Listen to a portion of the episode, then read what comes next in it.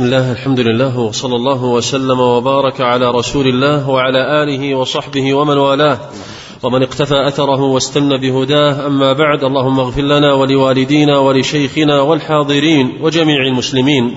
فهذا مجلس علمي في شرح عمدة الأحكام لسماحة والدنا الشيخ صالح بن محمد الحيدان ينعقد في يوم في يوم الاثنين الثالث والعشرين من شهر ذي الحجة لعام واحد وثلاثين وأربعمائة وألف للهجرة في جامع عثمان بن عفان رضي الله عنه بالرياض. قال المصنف رحمه الله تعالى كتاب البيوع. عن عبد الله بن عمر رضي الله عنهما عن رسول الله صلى الله عليه وسلم أنه قال إذا تبايع الرجلان فكل واحد منهما بالخيار ما لم يتفرقا وكانا جميعا أو يخير أحدهما الآخر فتبايعا على ذلك فقد وجب البيع. وما في معناه من إثبات الخيار من حديث حكيم بن حزام.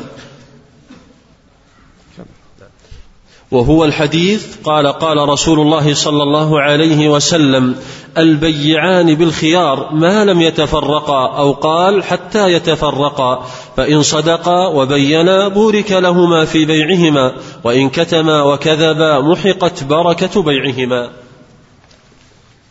بسم الله الرحمن الرحيم. الحمد لله نحمده ونستعينه ونستغفره ونعوذ بالله من شرور أنفسنا وسيئات أعمالنا. ونشهد أن لا إله إلا الله وحده لا شريك له ونشهد أن محمدا عبد الله وخليله ورسوله. أرسله رحمة للعالمين. فبلغ عليه الصلاة والسلام الرسالة وأدى الأمانة ونصح للأمة وجاهد في الله حق جهاده وترك أمته على محجة بيضاء ليلها كنهارها لا يزيد عنها إلا هالك. من أحسن متابعته ابتغاء مرضات الله أفلح. ومن صد وأرض فلا يضل يضر إلا نفسه. بين صلوات الله وسلامه عليه ما ينبغي أن يكون عليه المرء من علاقة بربه جل وعلا في عباداته. وبين له أثر الإخلاص في العبادة. وأن العمل إنما ينفع إذا اقترن بإخلاصه لوجه الله جل وعلا. وسيره على منهج رسول الله صلى الله عليه وسلم لأن العمل النافع أن يكون صوابا والصواب هدى ما وافق السنة وأكن يكون خالصا لله. إن اختل شرط من هذين الشرطين لم ينفع ذلك العمل صاحبه وإنما يكون مضرة عليه. ومما بينه صلوات الله وسلامه عليه علاقات الناس فيما بينهم في جميع أمورهم. فترك أمته صلى الله عليه وسلم على أمر واضح وصراط سوي مستقيم. من أخذ به أفلح. فنسأل الله أن يمن علينا بالأخذ بسبيل الفلاح. من ذلك ما يتعلق بعلاقات الناس فيما بينهم في أموالهم. في البيع. بين صلوات الله وسلامه عليه في هذا الحديث الذي سمعنا أن المتبايعين بالخيار إذا تبايع صفقة تجارية أو غير تجارية أو مما يتبادل من السلع بأثمانها فالمتبايعان بالخيار ما لم يتفرقا.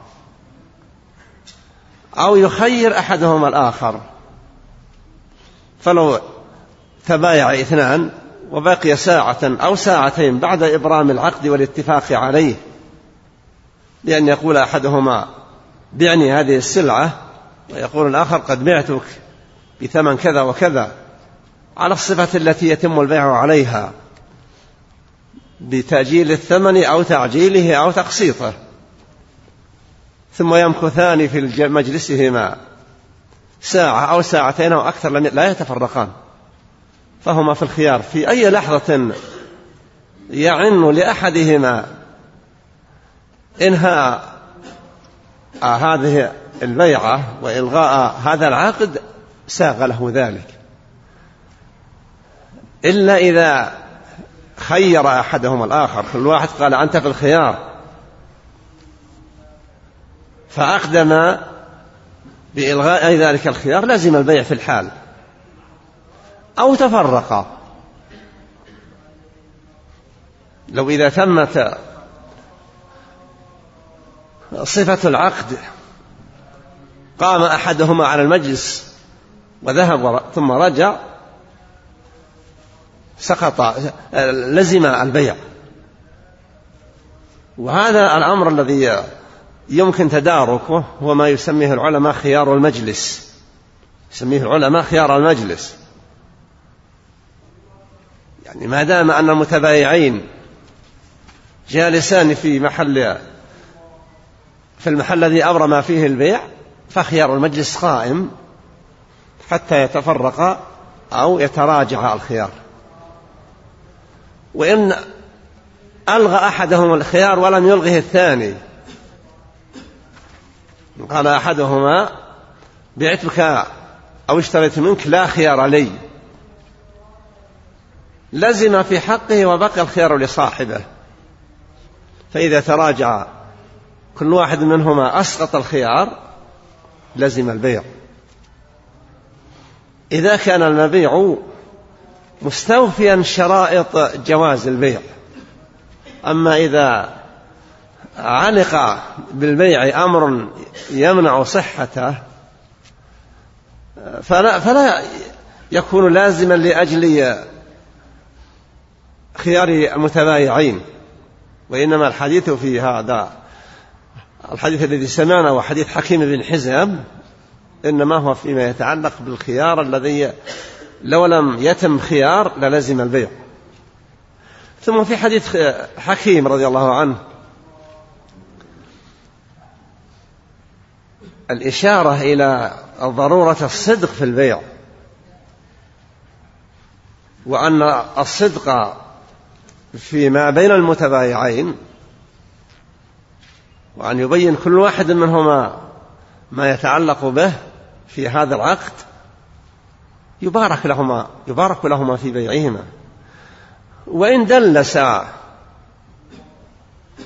وكذب ولم يبدي كل واحد منهما ما يتعلق ما بما عليه قد تمحق تمحق بركة بيعهما. ولذلك يحتاج الإنسان في شرائه أو بيعه. في قليل أو كثير إلى أن يتصور أن الله جل وعلا عالم بسريرته وعالم بما يخفي وما يريد أن يدلسه. فينبغي للمسلم أن يحسن مراقبة الله جل وعلا في أعماله كلها.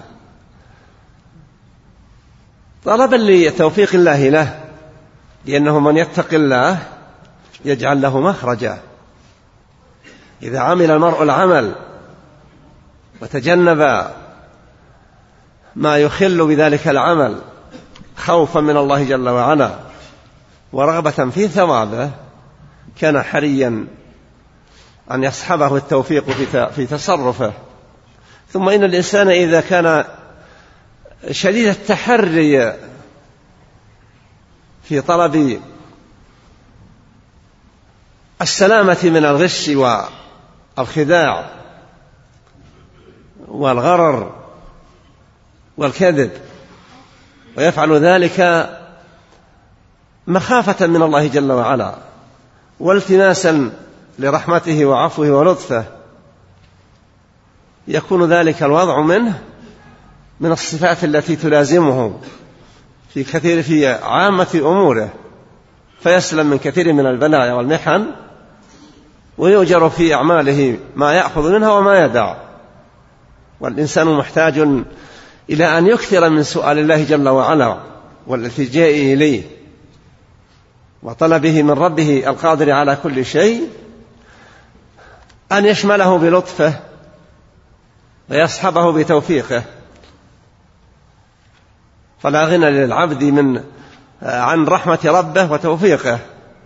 ولهذا محتاج الإنسان دائما في كل أموره أن يصطحب تذكر الكنز الذي قال النبي صلى الله عليه وسلم بأنه من كنوز الجنة وهو كلمة لا حول ولا قوة إلا بالله. حسن الله إليكم. قال المصنف رحمه الله تعالى باب ما نهي عنه من البيوع. عن أبي سعيد الخدري رضي الله عنه أن رسول الله صلى الله عليه وسلم نهى عن المنابذة وهي طرح الرجل ثوبه بالبيع إلى الرجل قبل أن يقلبه أو ينظر إليه ونهى عن الملامسة والملامسة لمس الثوب لا ينظر إليه. هذه هذه بيوع تشتمل على غرر ويدخل فيها باب الغش. والمطلوب في المبايعات أن يكون مشتري والبائع على بصيرة من أمرهما فيما يتفقان عليه. المنابذة. جاء بهذا المثال وإلا فليس هذا هو كل شيء فيها. إذا قال صاحب الدكان أو قال صاحب الراغب في الشراء أي ثوب مسات يدي ولم رميته يكون بكذا. أو قال المالك أي ثوب نبذته إليك يكون بكذا كذا أو أي سلعة من السلع التي تباع. أو إذا قال أي سلعة أصابتها هذا الحذف اللي يحذفه من عود أو حصى أو غيره فهو عليك بكذا وكذا. هذا بيع مشتمل على الغرر ومنطوي على الجهالة في معرفة ما سيتم عليه البيع. والنبي صلى الله عليه وسلم أمر أن تكون المعاوضات والمعاقدات على الأموال ونحوها مبنية على العلم من الطرفين بما يتم به البيع وما يترتب على ذلك البيع من أعمال. فبيع الملامسة أو المنابذة أو بيع الحصاة هذا من البيوع المشتملة على الغرر والغش. وما كان فيه غرر وغش فإن الأمر فيه يمنع من إبرام ذلك العقد إلا على أمر بين. لا يصح للإنسان أن يقول أي شيء أخذته مني يكون بكذا. قد يأخذ شيئا معيبا ولا يتبين بمجرد أخذه. ولهذا صارت العقود والبيوعات يكون فيها أنواع من الخيارات. ومنها خيار الأجل. يشتري الواحد السلعة ويقول البائع أنا بالخيار يوم أو يومين أو أكثر أو أقل أو يقول المشتري أنا بالخيار حتى إذا وجد عيبا ونحو ذلك.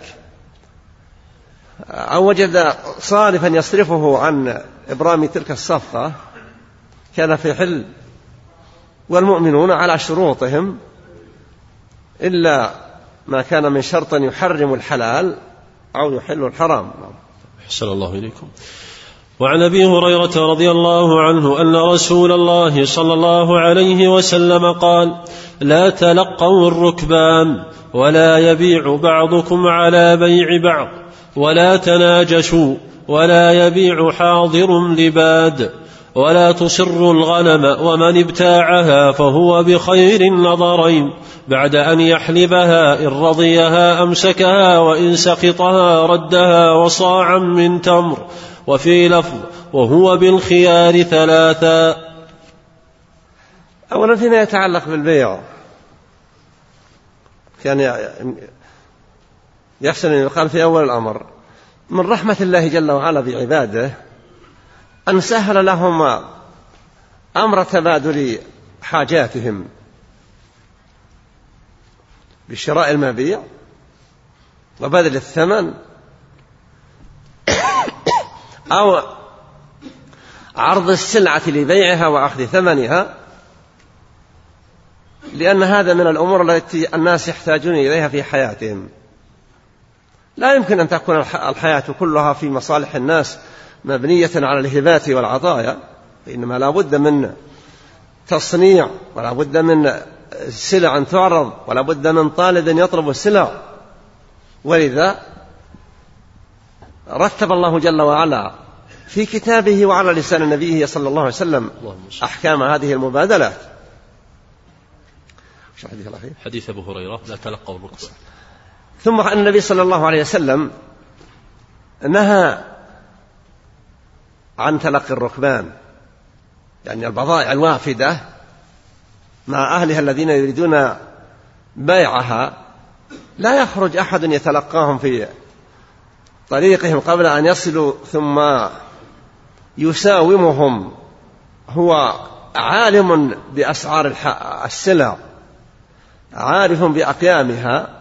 والوافد إنما يعرف سلعته وقد لا يدري كم تساوي فالنبي نهى عن ذلك. وإذا حصل شيء من هذا صار الجالب بالخيار. إذا وصل البلد ورأى ما عليه الحال وعلم أقيام السلع وبضائعه التي معه فهو بالخيار. إن شاء أمضى ما جرى بينه وبين متلقيه من بيع. وإن شاء ألغاه.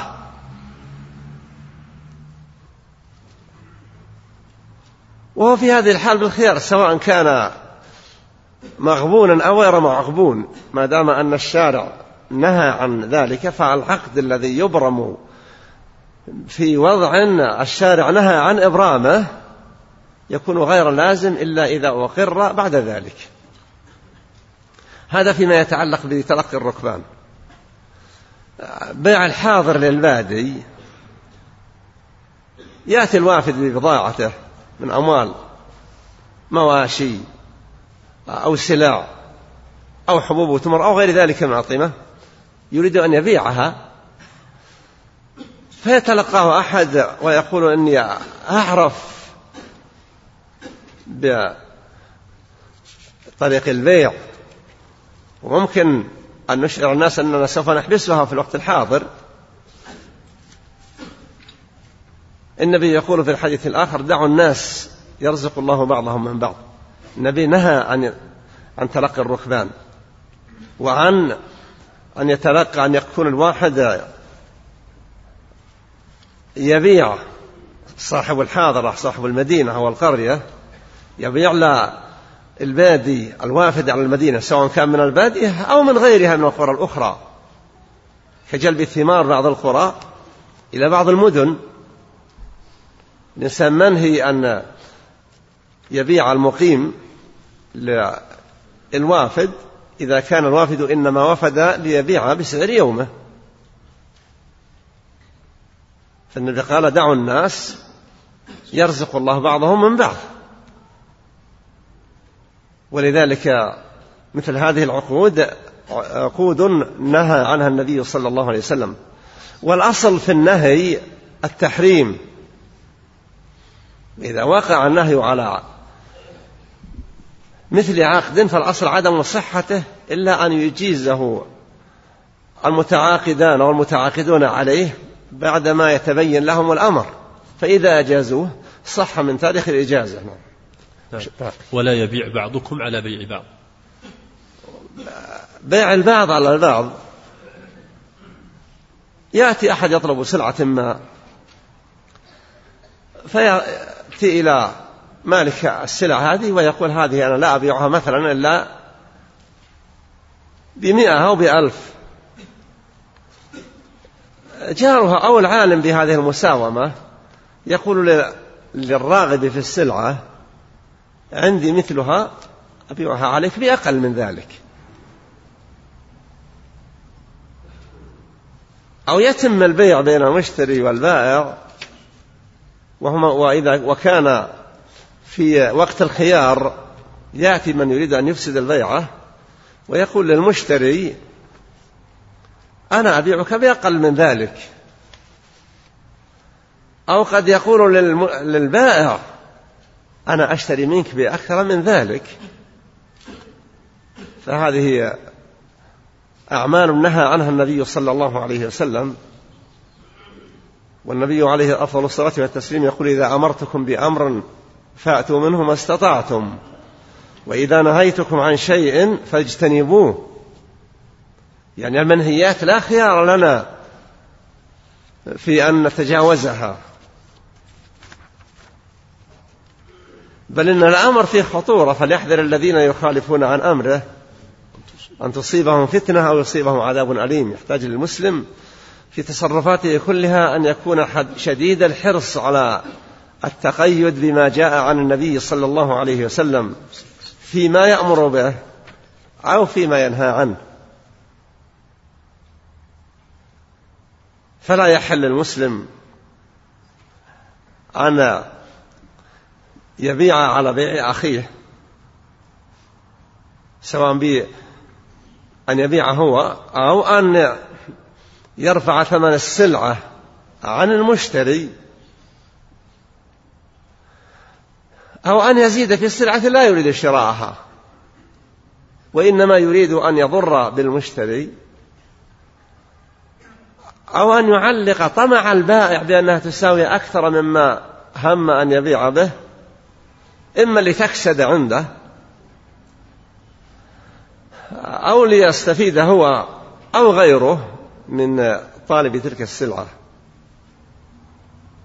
النبي صلوات الله وسلامه عليه في أمره ونهيه إنما هو لمصالح الأمة وتوفير أسباب سعادتها وعزها وأسباب تآلفها وتعاونها.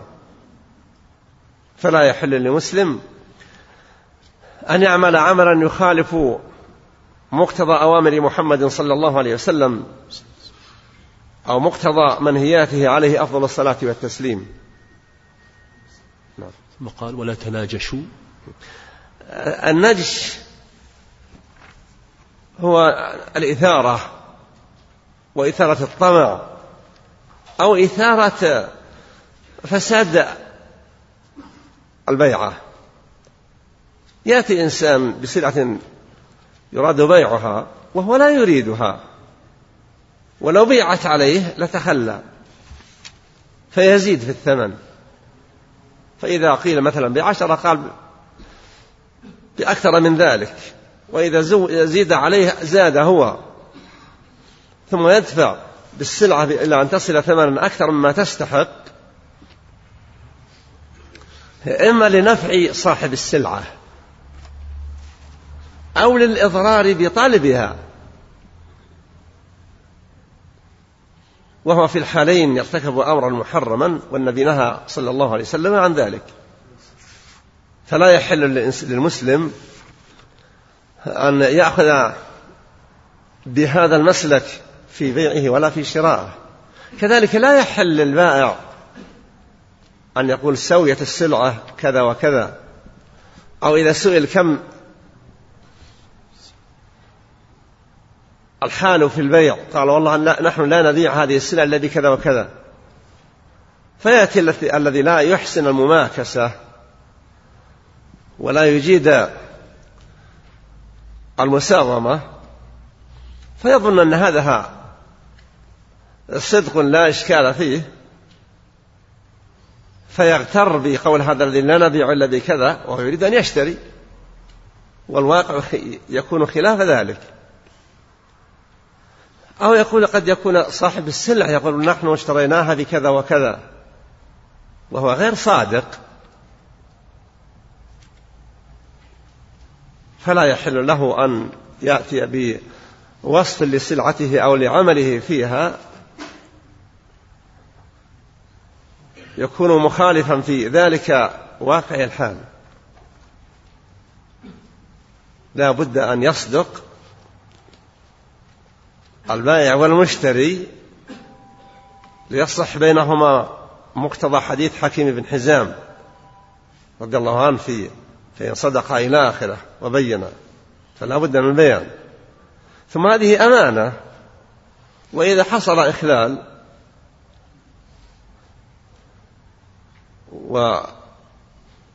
وتضرر أحد الطرفين فمن حقه أن يطالب برفع الضرر. حسب مقتضيات المطالبات نعم. قال ولا تصر الغنم ومن ابتاعها فهو بخير النظرين. الماشية ذات اللبن الحلوب لا تصر والتصرية حبس اللبن يبقى في ضرع الماشية حتى يجتمع فيظن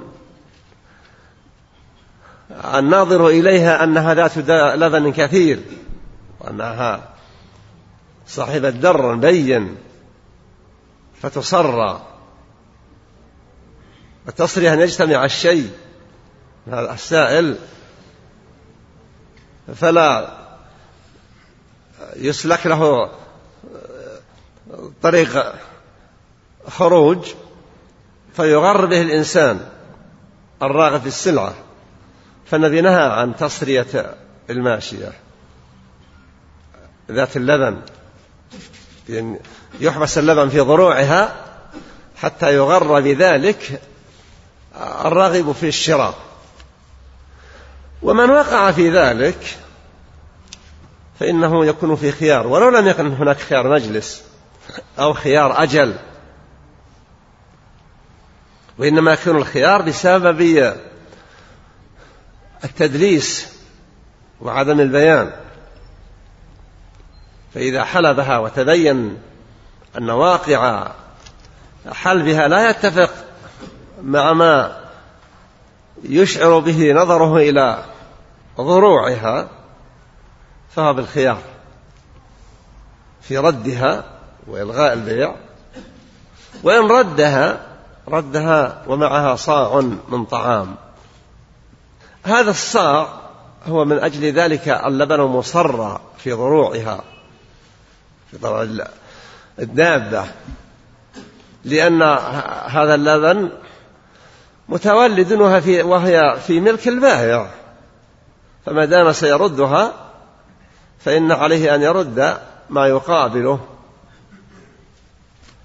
طعام بطعام لأن اللبن هذا من الأطعمة.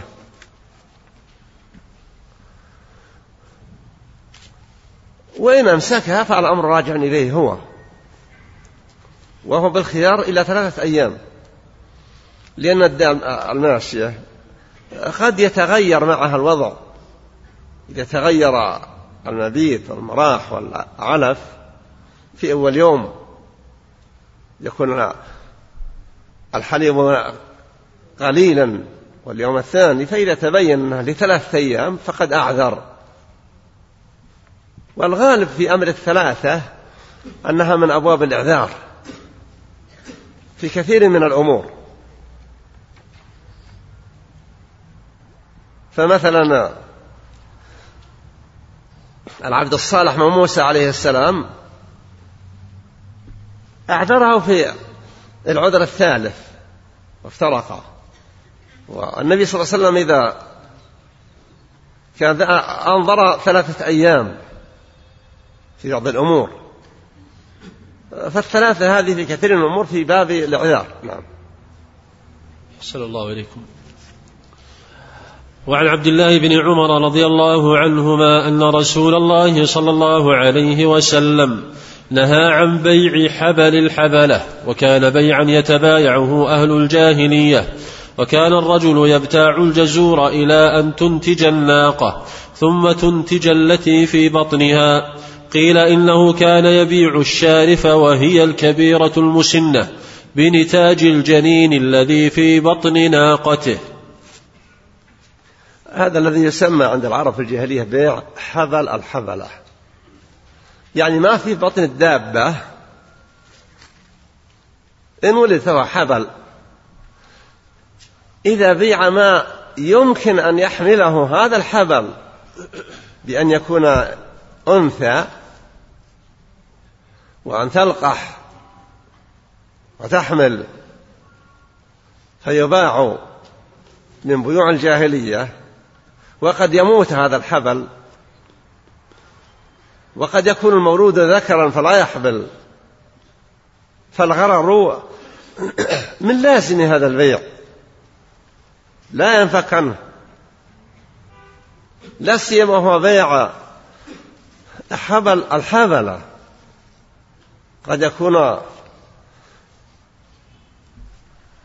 الولد في بطن الناقة أو الشاة أو البقرة.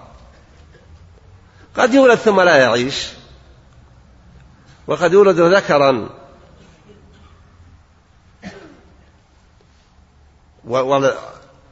والحبل متعذر فتكون هذه العقود عقود تسبب المشاكل والاختلافات وربما تسبب فتنا ومنازعات.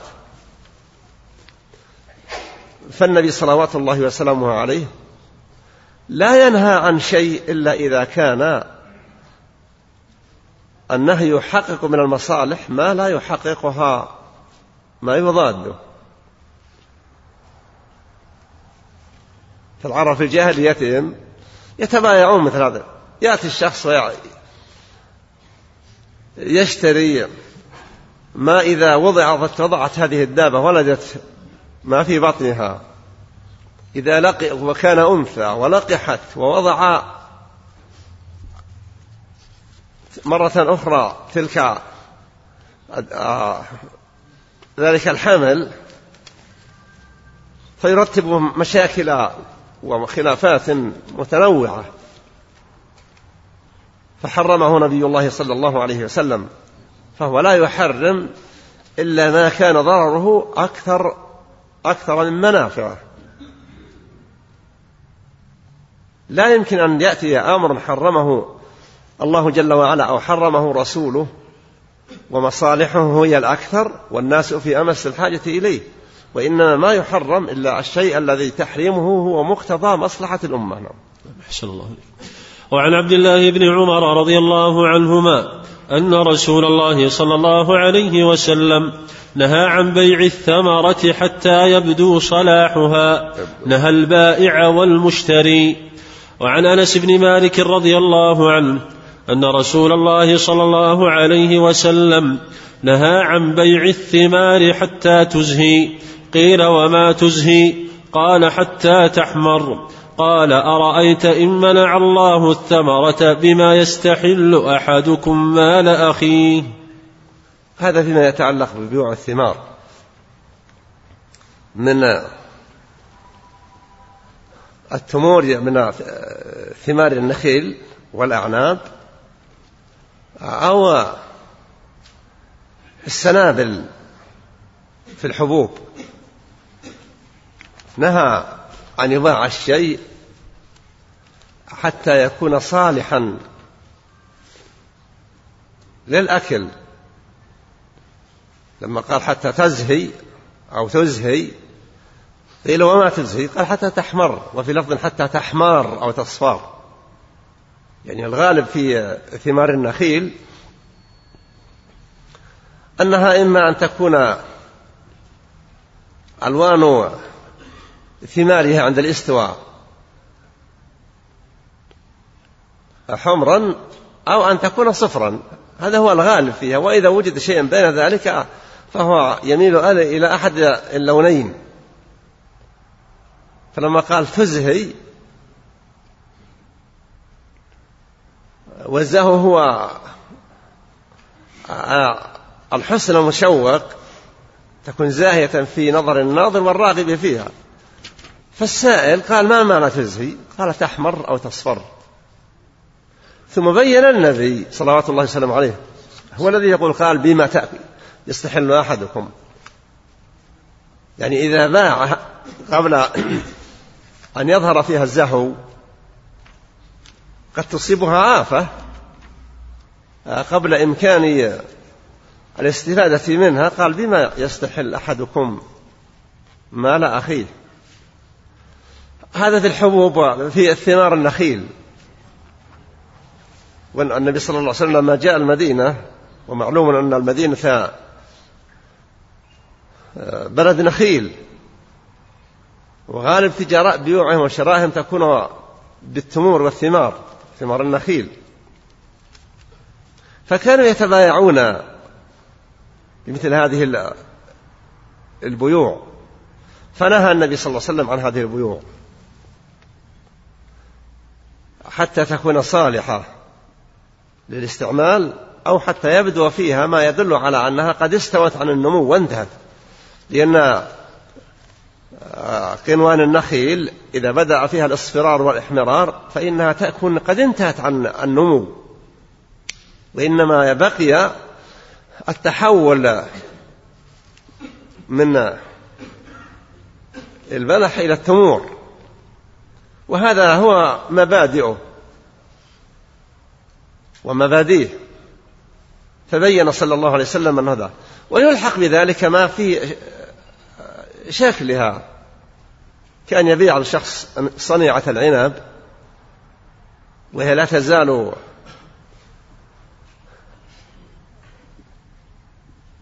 لم يبدو فيها ماء الماء الحالي فتكون عرضة للتلف. ومثله أيضا الحبوب. إذا سنبل الزرع لا يباع حتى يشتد. حتى يستوي الحب بنموه وصلابته. ولا يبقى إلا فترة جفافه وصلاحيته للحصاد. وكل ذلك الحاصل من نهي المصطفى صلى الله عليه وسلم إنما هو لمصلحة الناس. وضمان مصالحهم وإغلاق أبواب المنازعات والمخاصمات التي تؤدي بالناس إلى خصام وشقاق وربما إلى عدوان وظلم.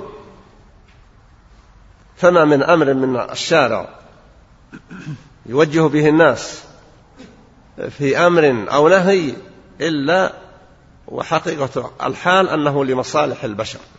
أحسن الله إليكم وعن عبد الله بن عباس رضي الله عنهما قال نهى رسول الله صلى الله عليه وسلم أن تتلقى الركبان وأن يبيع حاضر لباد قال فقلت لابن عباس ما قوله حاضر لباد قال لا يكون له سمسارا. معنى هذا الحديث هو الذي مر الحديث السابق. تلقي الركبان وأن لا يبيع الحاضر للبادي. وبين ابن عباس معنى يصير بيع الحاضر للبادي أن يكون دلالا للبادي. سمسار يبيع بضاعته. قد يستفيد البايع لكن الدلال يستفيد. ومن ينتظرون أن يشتروا السلعة ليربحوا فيها قد يحال بينهم وبين ذلك. فلا يتفق هذا المعنى مع قول النبي صلى الله عليه وسلم دعوا الناس يرزق الله بعضهم من بعض. نهيه عليه الصلاة والسلام أن تتلقى الركب الركبان حتى لا يغر الجالب هذا من جانب. ومن جانب آخر حتى لا يستأثر المتلقي بالبضاعة ثم قد يحتكرها ليغلي قيمها على الناس. بل يترك إذا قدم الوافد بالبضاعة يقابلها هذا المتلقي وغيره حتى يحصل الجالب على خير ويحصل من كان في البلد من, من الراغبين في الشراء على خير أيضا في تزاحمهم على الشراء يستفيد هذا ويستفيد ذا. وأما أن ينحصر الأمر في متلق يسبق الناس ثم يحول بينهم وبين الشراء. أو يتصل بالوافد ويقول لا تبعها أنت فإنك قد لا تعرف رغبات هؤلاء التجار. أنا أعرف ماذا يريدون. إذا لم أقتنع بطلبهم أؤجل بيعها. النبي نهى عن ذلك كله حتى يبيع الإنسان على وفق ما قدم به ويشتري المشتري على وفق ما يتيسر له. يرزق الله الناس بعضهم من بعض. أحسن الله إليكم وعن عبد الله بن عمر رضي الله عنهما قال نهى رسول الله صلى الله عليه وسلم عن المزابنة والمزابنة أن يبيع ثمر حائطه إن كان نخلا بتمر كيلا وإن كان كرما أن يبيعه بزبيب كيلا أو كان زرعا أن يبيعه بكيل طعام. نهى عن ذلك كله.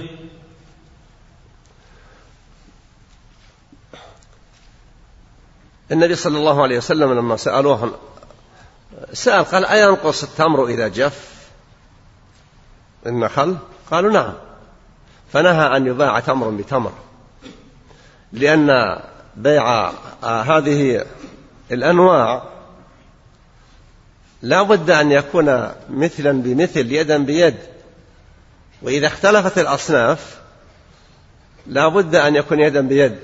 النبي قال لا تبيع التمر بالتمر.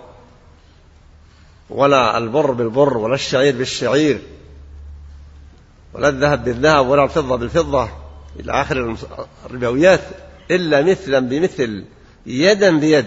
فإذا اختلفت هذه الأصناف فبيعوا كيف شئتم إذا كان يدا بيد. لما أريد بيع الحائط بما فيه من تمور بثمر مكنوز جاف.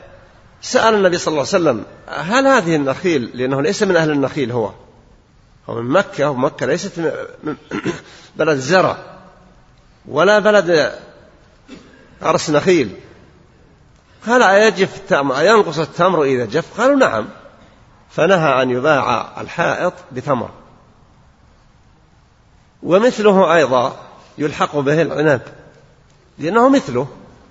لا يباع تباع الصنيعة من العنب مثلا بمئة كيلو أو مئة وزنة أو مئة صاع من الزبيب. لا يباع هذا إلا مثل بمثل إذا بحيث لا بحيث يؤمن احتمال النقص. وهذا لا يتم إلا إذا عرف هذا. في أشياء قد يرخص فيها. من هذه البيوع لأسباب خاصة. كذلك بالنسبة للحقول الحبوب.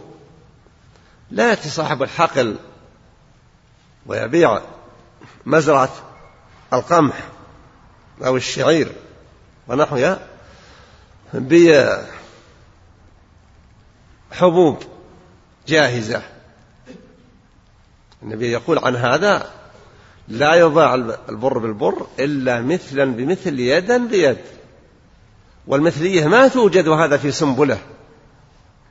لكن لو باع الحائط من القمح بنقد بعد استواء القمح وصلاحيته للحصاد جاهز. أحسن الله عليك وعن جابر بن عبد الله رضي الله عنهما قال نهى النبي صلى الله عليه وسلم عن المخابرة والمحاقلة وعن المزابنه وعن بيع التمره وعن بيع الثمرة حتى يبدو صلاحها والا تباع إلا بالدينار والدرهم إلا العرايا المحاقلة بيع الحنطة في سنبلها بحنطة هذه الأمثال إنما النهي عنها لاحتمال عدم التساوي. فلا يباع هذا التمر بالحائط في قنوان النخل بثمر نخل تمر. لا بد أن يكون عن طريق المثلية الكاملة. ولم يرخص في شيء إلا ما يسمى بالعرايا. والعرايا سيأتي لها تمثيل. إذا جاء وقت تلذذ الناس بخراف النخيل وقت الرطب قد يكون بعضهم عنده تمر من العام الماضي وليست عنده نقود ويحب أن يتنعم بالرطب كما يتنعم الآخرون وليس لديه ما يشتري به. فيأتي لرب لصاحب الحائط ويطلب منه نخلات يقدر مقدارها بتمر يأتي به هذا الراغب. هذا رخص بمقدار معين لا يتجاوز. ورخص فيه للحاجة لأنه لا يتفق مع الوزن. لأنه لما ينزل التمر من النخلة الرطب فقد يكون في الإناء ما يزن مثلا عشرين رطلا أو ثلاثين رطلا. لو ترك حتى يجف ما سوى إلا نصف ذلك. ولهذا قال النبي أينقص التمر إذا جف؟ قالوا نعم فنهى عنه. وأذن في العرايا للحاجة. لحاجة الناس إلى أن يشتركوا في وقت خراف النخيل في التلذذ بالرطب. ومعلوم أن الناس يشتاقون إلى الثمار الجديدة الطرية. وقد يكونون عاجزين عن بذل الثمن. فرخص الله جل وعلا لهم على لسان نبيه في مثل هذه الأشياء بقدر محدد. لا يتجاوز. يعني لا يأتي تاجر يريد أن يشتري مثلا ملء سيارة من الرطب حتى يبيع على الناس بملء سيارة من التمر الجاف لا وإنما يترك وإنما هي في حد محدود لا يتجاوز. يمكن يكون مثله أيضا العنب يكون عند الشخص مخزون زبيب مخزون زبيب مخزون ويريد عنبا طريا ولا نقود عنده يشتري. يمكن هذا أن يقاس على هذا لمجرد ما دام أن النبي صلى الله عليه وسلم رخص في ثمار النخيل بقدر محدد يمكن أن يرخص أيضا في العنب بقدر محدد لأن الدنيا ليست كلها نخيل. النخيل إنما توجد في بلاد دون بلاد أخرى. بعض البلدان لا تعيش فيها النخلة النخلة تحتاج إلى جو خاص. تختلف عن كثير من الأشجار. كما يقول الشاعر العربي وهل ينبت الخطي إلا وشيجه وتغرس إلا في منابتها النخل؟ النخل إذا غرست في غير منابتها ما صار فيها الفائدة التي تكون إذا غرست في منابتها. ولذلك كان أغلب الشرق الأوسط مجالا لغرس النخيل وما يشابهها من بلاد من أرض الله أيضا في قارات أخرى. فبيع الحائط رطبا بتمر هذا ممتنع لما ذكرنا بها. أينقص التمر إذا الرطب إذا جف. ومثله العنب ومثله الحقل. لا يباع الحقل. مثلا يقدره صاحبه مالك ذلك الحقل بأنه يبلغ مثلا ألف صاع. يبيعه بألف جاهز. لا. لا يباع إلا كيلا بكيل. المكيلات ما تباع إلا بمثلها والموزونات ما تباع إلا بمثلها. إلا إذا اختلفت هذه الأشياء إذا بيع نوع من الأصناف الربوية بنوع آخر ليس من هذا من صنف ذلك النوع. نعم. أحسن الله إليكم.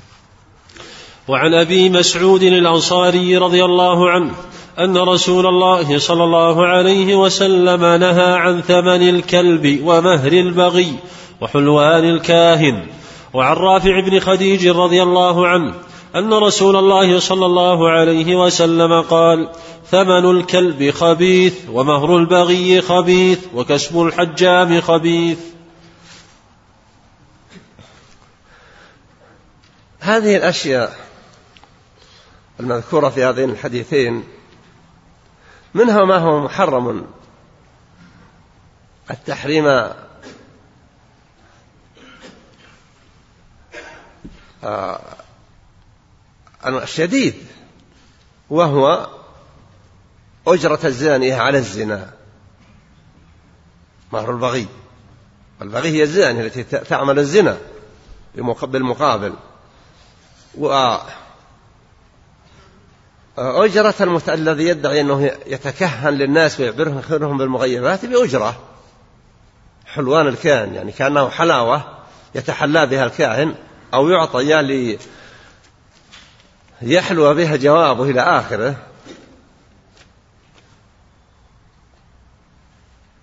وثمن الكلب. الكلب محرم بيعه. أما اقتناء الكلب فقد يكون مباحا في حال ومحرما في حال آخر. من اقتنى كلبا غير كلب ماشية ولا صيد نقص من أجله في كل يوم قراط أو قراطان الماشية التي يحفظها الكلب عن السباع الذئاب لا تأكلها. والحرث حتى لا يعبث بحرث الشخص فلاحته يحفظها الكلب. في رد العادية إذا جاء أحد يريد أن يسرق فالشأن في الكلب أن لا يدع المجهول عنده أن يتعدى ما هو في حراسته فهذا يجوز اقتناؤه لكن بدون ثمن. أما ثمنه فهو حرام النبي نهى عن بيع الكلب. وإن كان يمكن أن يكون غالي الثمن عند الراغبين فيه لكنه مع ذلك. وإن جاز اقتناؤه لهذه المصالح ويمكن أن يلحق بالماشية والحرث من يكون يسكن في برية وعنده محارم وربما يغيب بعض الغيبة وجود الكلب نافع لحراستهم والدفاع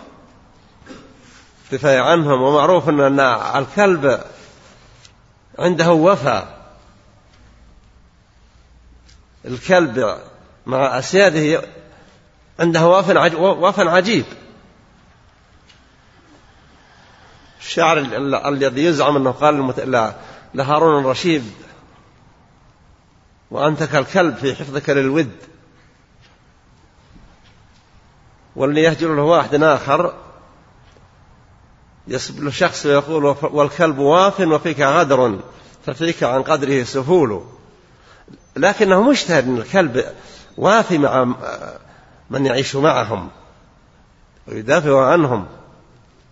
وفي قصص عجيبة في ظل الأحوال. قد يصحب من ألفه واعتاد الانتفاع منه أن يصحبه من مكان إلى مكان أشبه ما يكون بحراسته. وهذا أمر من الأمور المجربة. ومع ذلك لم يبح النبي صلى الله عليه وسلم بيعه وشراءه. وإنما أباح أباح اقتناءه للحاجة الضرورية. ما عدا الكلب الأسود فإنه لا يحل اقتناؤه وهو الكلب البهيم لا يحل اقتناؤه لا ببيع ولا بغير بيع. وأخبر النبي إنما هو شيطان. في هذا الحديث في هذين الحديثين وجد شيء قيل إنه خبيث مع أشياء محرمة. وهو كسب الحجام. الشيء قد يوصف بالخبث ولا يراد به أنه محرم. لدليل قد يكون في غير ذلك الوضع الوصف. فالحجام النبي صلى الله عليه وسلم أعطى أبا طيبة أجرة الحجامة. والنبي لا يمكن أن يدفع أجرة محرمة لأحد. وأمر السيادة الحجام الذي يحجم أمرهم بأن يخفضوا عنه الخراج. ومع ذلك فإن كسب الحجام كسب ليس من المكاسب الشريفة. والمقصود فيه في هذا الحديث أنه كسب خبيث أي دني ليس من المكاسب الكريمة. المكاسب فيها ما هو وهو كريم وفيها ما هو أكرم. فأكرم المكاسب على الإطلاق ما كان من الكسب في الجهاد في سبيل الله في قتال الكفار. وهذا إنما يكون عندما يكون المسلمون أعزة محكمين لشرع الله في خاصة أمورهم. وعامتها. وهذا لا يؤس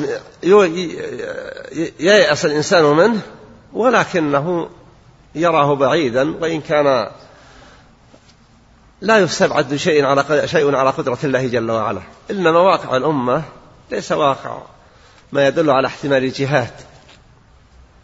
لأن الجهاد يحتاج إلى أن يكون مجاهدون مقيمين على أنفسهم مقتضى شريعة الله. في كل أمورهم في مكاسبهم وزينتهم وعبادتهم وبيعهم وشرائهم وقيام تعاملهم مع الناس وفي تعاملهم فيما بينهم وبين ربهم. هذا يحتاج إلى تربية صحيحة. كالتربية التي تربى عليها أصحاب رسول الله صلى الله عليه وسلم أو كقريب من ذلك كالذين تربوا على يدي أصحاب محمد صلى الله عليه وسلم. والله المستعان.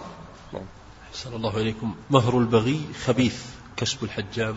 مهر الغبي خبيث يعني محرم. يعني كسب المرأة الزانية كسب حرام. لا يحل لها ولا يحل لمن تريد أن تمونه بصرف المال عليه. وحلوان الكيان كذلك؟ كسب محرم. يعني الشيء قد يشترك مع غيره بالخبث. فهذا يكون حراما وهذا يكون كسبا فيه دناءة. فكسب الحجام ليس بمحرم. وإنما هو غير شريف وكسب الكاهن والعراف والساحر والزانية كل هذه مكاسب محرمة. نعم. أحسن الله إليكم. هل ترون أن نتوقف بقي سبع دقائق. بقي سبع دقائق والآن توقفنا عند هذا الباب؟ لا بأس باب العراية نبدأ به الأسبوع القادم. ما يخالف.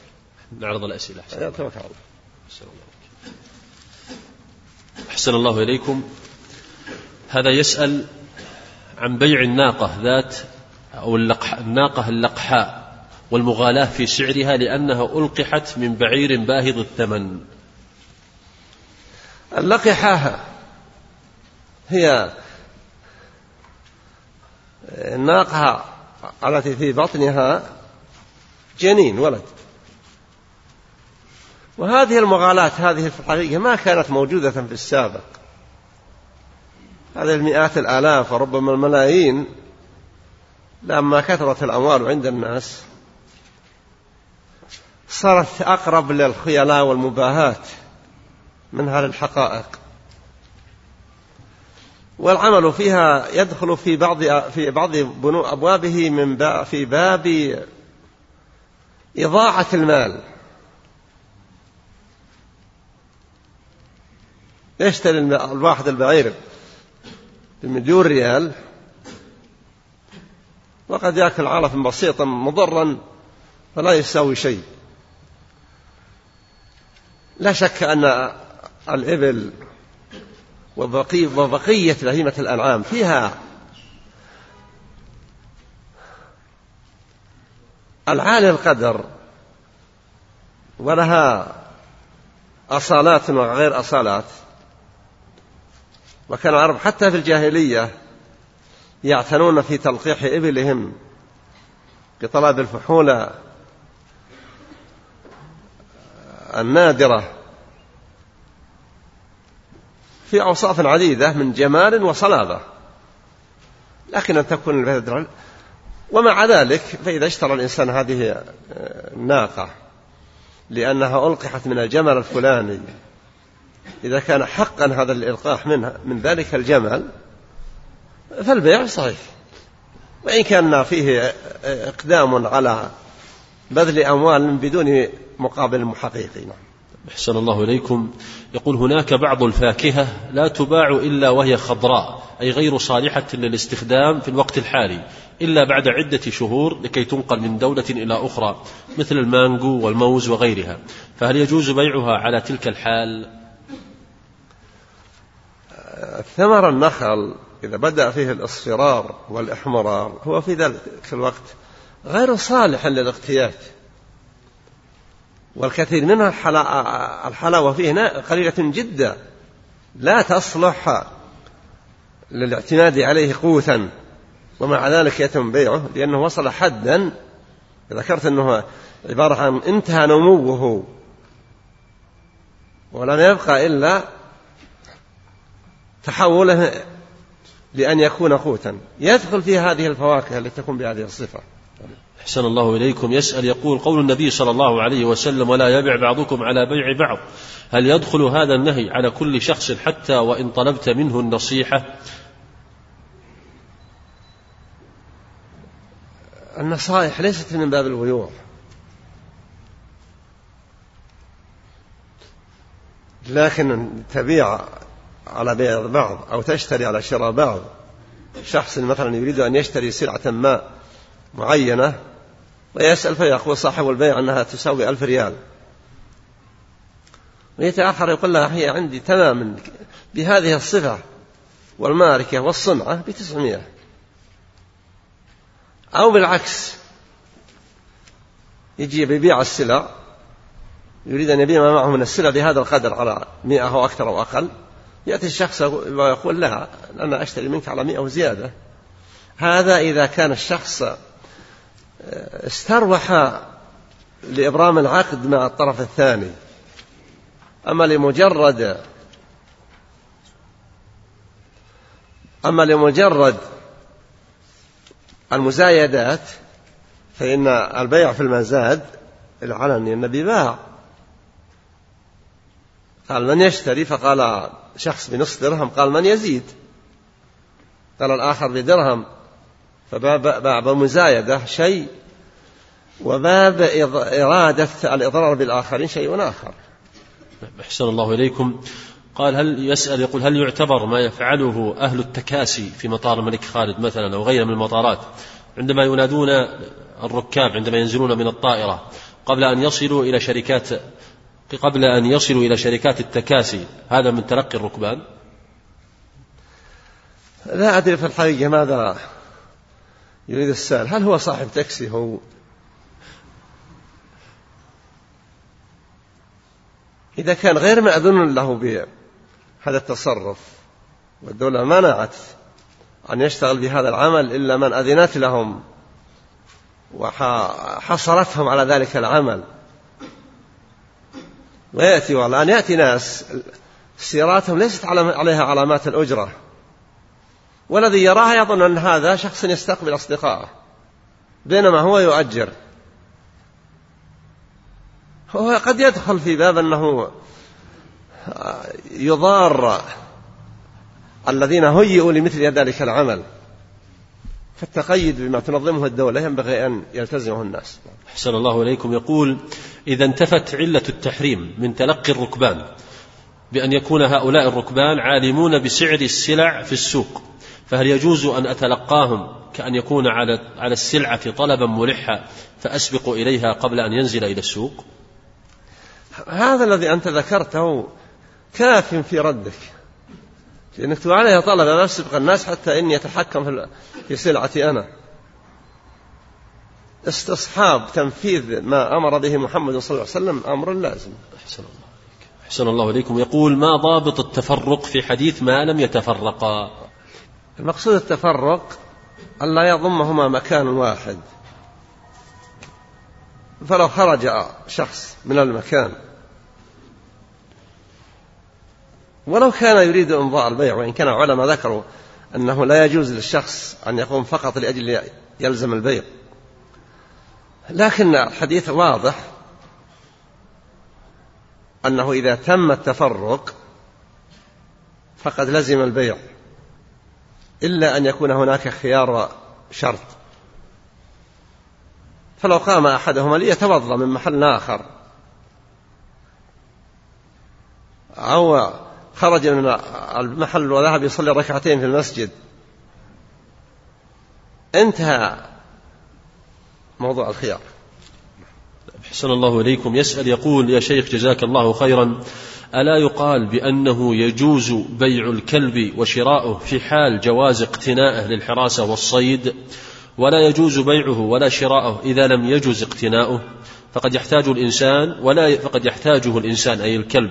للحراسة والصيد ولا يجده إلا بالشراء. وإذا استغنى عنه وهو قد اشتراه بثمن غالي فقد يحتاج إلى بيعه. أرجو التوجيه. أحسن الله إليكم.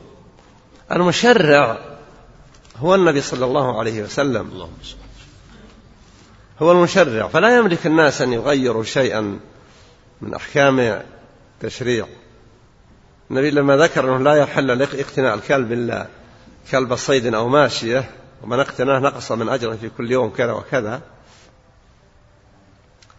وأن الملائكة لا تدخل بيتا فيه كلب ولا صورة كما في الحديث الصحيح. فإمكان اقتناء الكلب أو تحصيل الكلب أو تربية جرو من جراء الكلاب كل هذا متيسر والبادية يعرفون هذا ويسهل عليهم التحصيل. وقد يوجد نادر من الكلاب ما يكون في فتكه بالذئاب أوفى من بعض وهذا معروف ومجرب. ومع هذا لا تغير الأحكام وإباح شيء. فيه الآن ممكن يقول قائل الناس في حاجة ماسة إلى إباحة الربا ولا يجد الواحد من يقرضه ولا شيء إلا بالربا. فما دمنا محتاجين لنرابي فالناس يكيفون أحكامهم على مقتضى الشرع لا على مقتضى رغباتهم. أحسن الله إليكم. يقول بعض الناس في معارض السيارات يتلقون الركبان في الطريق العام قبل دخولهم إلى المعارض كما يسمون الشريطية. فهل هذا من تلقي الركبان المحرم؟ أصحاب هذه السيارات الذين هم من أهل البلد ليسوا باديا من البوادي وليسوا بادين للبلد وإنما ما جاءوا يبيعون سياراتهم في هذه المعارض إلا, إلا بعد أن يكونوا سألوا لكن على فرض أن أحد يأتي لا يدري عن الحقائق يدخل هذا في حكمه. أحسن الله إليكم. يقول شيخنا المبارك نود منكم توجيه لأهل الإبل والغنم الذين يضعونها في المزاين والحكم والحكمة من الإبل هي ليست للمغالاة ولكن للاستفادة منها. ليتهم يفعلون ذلك. لا شك أنه من الأمور التي ما كان لها وجود في السابق. يوم كان الناس محتاجين للإبل. في رحلاتهم وتنقلاتهم وإلى آخره ما كانت أسواق لمزاين الإبل وكذا وكذا. لا شك أن الإبل فيها من تكون على وضع يسر الناظر في حال أشياء مظهرها خلاب. وإذا من قرأ ما يقوله شعراء العرب فيما يتعلق في إبلهم. يجد أن بعض الإبل لها من المواصفات ما ليس لكثير من الأخريات يقول الشماخ في بناء بعيره أو ناقته يصف ما يتبعها. يقول يتبعنا سامية العينين. تحسبها مجنونة أو ترى ما لا ترى الإبل. ومع ذلك ما كانوا يصير أحسن الله إليكم. يقول ما حكم بيع وشراء الأسهم المختلطة؟ الحقيقة أنا لست متاجر بهذه الأشياء لكن هذه الأسهم إذا كان السهم الذي يراد بيعه يراد بيعه بأسهم تماثله من كل وجه. فإنه يحتاج إلى المماثلة الحقيقية وهذا متعذر. لا يكون هناك تماثل. أما إذا كان البيع بنقود وأوصاف هذه الأسهم تعرف فإنها في ظاهر الحال صارت مصدر إفلاس لعدد من الناس. في السنوات الأخيرة حسب ما يبلغني من كثير من المتورطين أن أحدهم يكون طمع في أرباح معجلة وإذا الأمر يأتي بخسارات فادحة معجلة. فيحتاج الإنسان إلى أن يتقيد في بيع شر. ينظر هذه الأسهم إن كانت أسهم أموال ثابتة ذات أعيان بينة وإنما سميت الأسهم سهم إلى آخره فهي في الحقيقة هي تسمى أسهم وهي أجزاء حسب التعديل. فإذا بيعت هذه الأجزاء ولنفرض نجي مثلا شركة كهرباء أو الألبان أو غيرها فبيع هذه الأسهم بأقيام محددة بأوصاف الأسهم ومعرفة مدى نجاحها في السوق من عدمة فلا فلا في محذور لأن الناس لا بد لهم من هذه المبايعات. نعم. أحسن الله إليكم. وإذا كانوا قد اقترضوا هذه الشركات إذا كانت هذه الشركات اقترضت أموالا ربوية كقروض من بنوك أو غيرها؟ لا يجوز الاشتراك في شركة بنيت على أساس ربوي. فلا يصح للإنسان أن يشتري أسهما من شركة ربوية أو شركة آه، كثيرا من من تأسيساتها بنيت على القروض الربوية. فإن الراضي في هذه المبايعات وهذه المشاركات يكون شريكا للمؤسسين على ذلك البندر الربوي. نعم. نعم أحسن الله إليكم. يسأل عن حكم بيع الأعضاء أو التبرع بها. الأعضاء؟ نعم أعضاء الإنسان. بيعها أو التبرع بها. الصحيح أنه لا يجوز بيع الإنسان ولا أعضائه.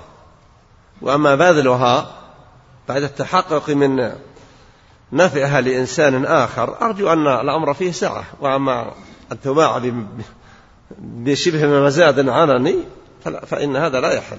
الإنسان لا يملك نفسه أن يبيع منها. نعم. حسن الله إليكم. هذا يسأل يقول ما صحة نسبة كتاب تقنين القوانين للإمام العلامة محمد إبراهيم رحمه الله؟ هل هذا الكتاب صحيح منسوب للشيخ؟ أنا لا أعرف أن الشيخ محمد إبراهيم له كتاب في, في القانون. أنا أعرف أن الشيخ كتب كتابة في المجلة يسب يذم القانون ويسميه القانون اللعين. بهذه اللهجة. وهو لا شك أن رحمة الله عليه ضد كلمة التقنين. نعم أحسن الله إليكم. هذا سائل أو يسأل عن امرأة يقول امرأة حجت وعليها العادة وقد طهرت يوم الحادي عشر آه، الساعة الثانية عشر ظهرا تام طهرا تاما. في يوم وفي يوم الثالث عشر رجمت آه، رمت الجمار ونزلت وطافت طواف الحج وكذلك سعت سعي الحج. وبعد الانتهاء من جميع الأعمال الحج طلعت إلى الطائف ووجدت أنها قد امتلأت بالدماء وقد أحست. بالرطوبة ولكنها لم تعلم أنها دم إلا بعد الانتهاء من الطواف والسعي فماذا عليها؟ إذا كانت يوم فعلت ما فعلت من الطواف والسعي ترى أنها قد طهرت وهي تعرف عادتها وانتهاءها فعملها صحيح وما حصل لها لا يؤثر عليها وقد يكون سبب ذلك الزحام الشديد والانتهاء في ذلك اليوم ولا سيما المطاف والمسعى يكون الناس في يوم الثالث عشر والثاني عشر في شدة الزحام. بالنسبة للشيخ محمد رحمة الله عليه كتابته هذه مكتوبة منشورة في مجلة راية الإسلام التي تصدر في عام الثمانين والواحد والثمانين. عن التقنين. عن التقنين نعم. أحسن الله أحسن الله إليكم سماحة الوالد. هذه أسئلة الإخوة عن الإنترنت. هذا سائل من ليبيا يقول ما حكم بيع العملة الورقية؟ وهل تباع يدا بيد كما هو حال الذهب؟ نعم العملة الورقية. بالعملة الورقية لا بد يدا بيد. لأنها في الحقيقة بدل مما هي نائبة عنه. من وسائل المعاوضات. فلا بد من ذلك. نعم. أحسن الله إليكم. هذا سائل من المغرب يقول قرأت في الصلاة السرية بالجهر هل علي سجود سهو لا لا يلزم. لا يلزم. لو سجد لا لا بأس ولو لم يسجد فلا شيء عليه. نعم. أحسن الله إليكم. هذا سائل يقول اسمه يوسف المهاجر أو المجاهري من الجزائر يقول السلام عليكم ورحمة الله وبركاته. حياكم الله شيخنا. وأنا الآن جالس أنتظر درسكم والجواب على هذا الإشكال من سماحتكم حفظكم الله. ورد في صحيح البخاري حديث ويح عمار تقتله الفئة الباغية يدعوهم إلى الجنة ويتدعوه إلى النار. ومعلوم أن فئة سيدنا معاوية رضي الله عنه هي من قتلته أثناء الفتنة. السؤال يا شيخنا يستدل بهذا الحديث يستدل بهذا الحديث بعض الطوائف الضالة في سب سيدنا معاوية رضي الله عنه ووصفه بأنه باغ ضال وأنه يدعو إلى النار. نسأل الله السلامة من الوقيعة في أصحاب رسول الله. فكيف الرد العلمي المبين على هذه المقالة السيئة؟ أول شيء أنا أنصحك أنصح هذا السائل لا يضع نفسه في موضع الراد على هؤلاء. والأمر الآخر لا يطعن في في معاوية رضي الله عنه إلا من كان ضالا عنيدا. فمعاوية أحد أصحاب النبي صلى الله عليه وسلم. والنبي عليه أفضل الصلاة والتسليم يقول خير الناس القرن الذين بعثت فيه. فهو شاهد له ولإخوانه من الصحابة بأنهم خير الناس. والنبي صلى الله عليه وسلم يقول هل أنتم تاركوا لأصحابي؟ لو أنفق أحدكم مثل أحد ذهبا ما بلغ مد أحدهم ولا نصيفة. والنبي يتحدث عن الصحابة كلهم. ومعاوية رضي الله عنه كان مجاهدا في سبيل الله. وكان في أول جيش غزا القسطنطينية. وجاء في الحديث أن أول جيش يغزو القسطنطينية يدخلون الجنة. لكن لا يطعن فيه هو رضي الله عنه من ملوك الإسلام. أما كون علي أفضل منه فهذا بإجماع أهل السنة والجماعة أن علي أفضل منه. لكن أيضا لا يحل لأحد أن يطعن فيه بأي حال من الأحوال. فهو صحابي من أصحاب محمد صلى الله عليه وسلم. الله. وارتضاه للإمارة أبو بكر وعمر وعثمان. هؤلاء الخلفاء الثلاثة الذين هم أفضل أصحاب محمد صلى الله عليه وسلم. لا يليهم بالفضل المماثل سوى علي رضي الله عنه ثم يأتي من دونهم. لكن النصيحة إلى أهل الجزائر وأهل ليبيا وهؤلاء يتجنبوا كثرة الخوض في أمور هم في غنى عنها وبلادهم أيضا تحتاج إلى أن يجتهدوا في تحصيل العلم النافع. فنسأل الله أن يهدينا وإياهم سواء السبيل. نعم. أحسن الله إليكم. هذا سائل يقول ما حكم بيع أو شراء الحيوانات كالقطط والثعالب؟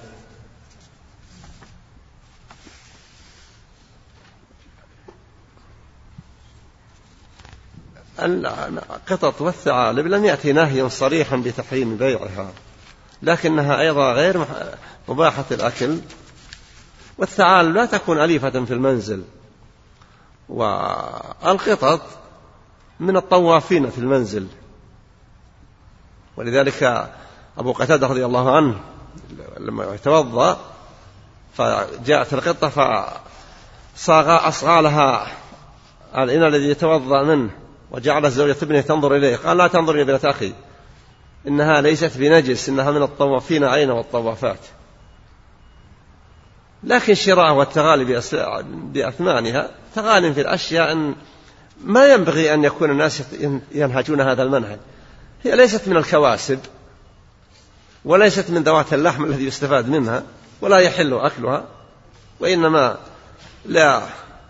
البذخ والإسراف الزائد. نعم. أحسن الله إليكم. هذا سائل من مصر. يقول أحسن الله إليكم ما حكم اختراق مواقع الإنترنت؟ وإفسادها. أما مواقع الإنترنت التي تروج الفساد وتنشر الفجور والإلحاد فإتلافها ابتغاء وجه الله أرجو أنه نوع من الجهاد في سبيل الله. وأما العبث والإساءة إلى الناس وإفساد مخازن ما يوجد لهم من معلومات. فهذا من العدوان. والإنسان يجب عليه أن يكون في تصرفاته يبتغي وجه الله جل وعلا في عمله وفيما ينكف عنه. نعم. أحسن الله إليكم. هذا سائل من الجزائر يقول ممكن شيء من التفصيل في بيع العربون؟ بارك الله فيكم. بيع العربون له عرف يتعارف الناس عليه وعند الخلاف يرجع فيه إلى القضاء وليس إلى الفتاوى. نعم. أحسن الله إليكم. بهذا انتهينا. صلى الله وسلم وبارك على نبينا محمد وعلى آله وصحبه أجمعين.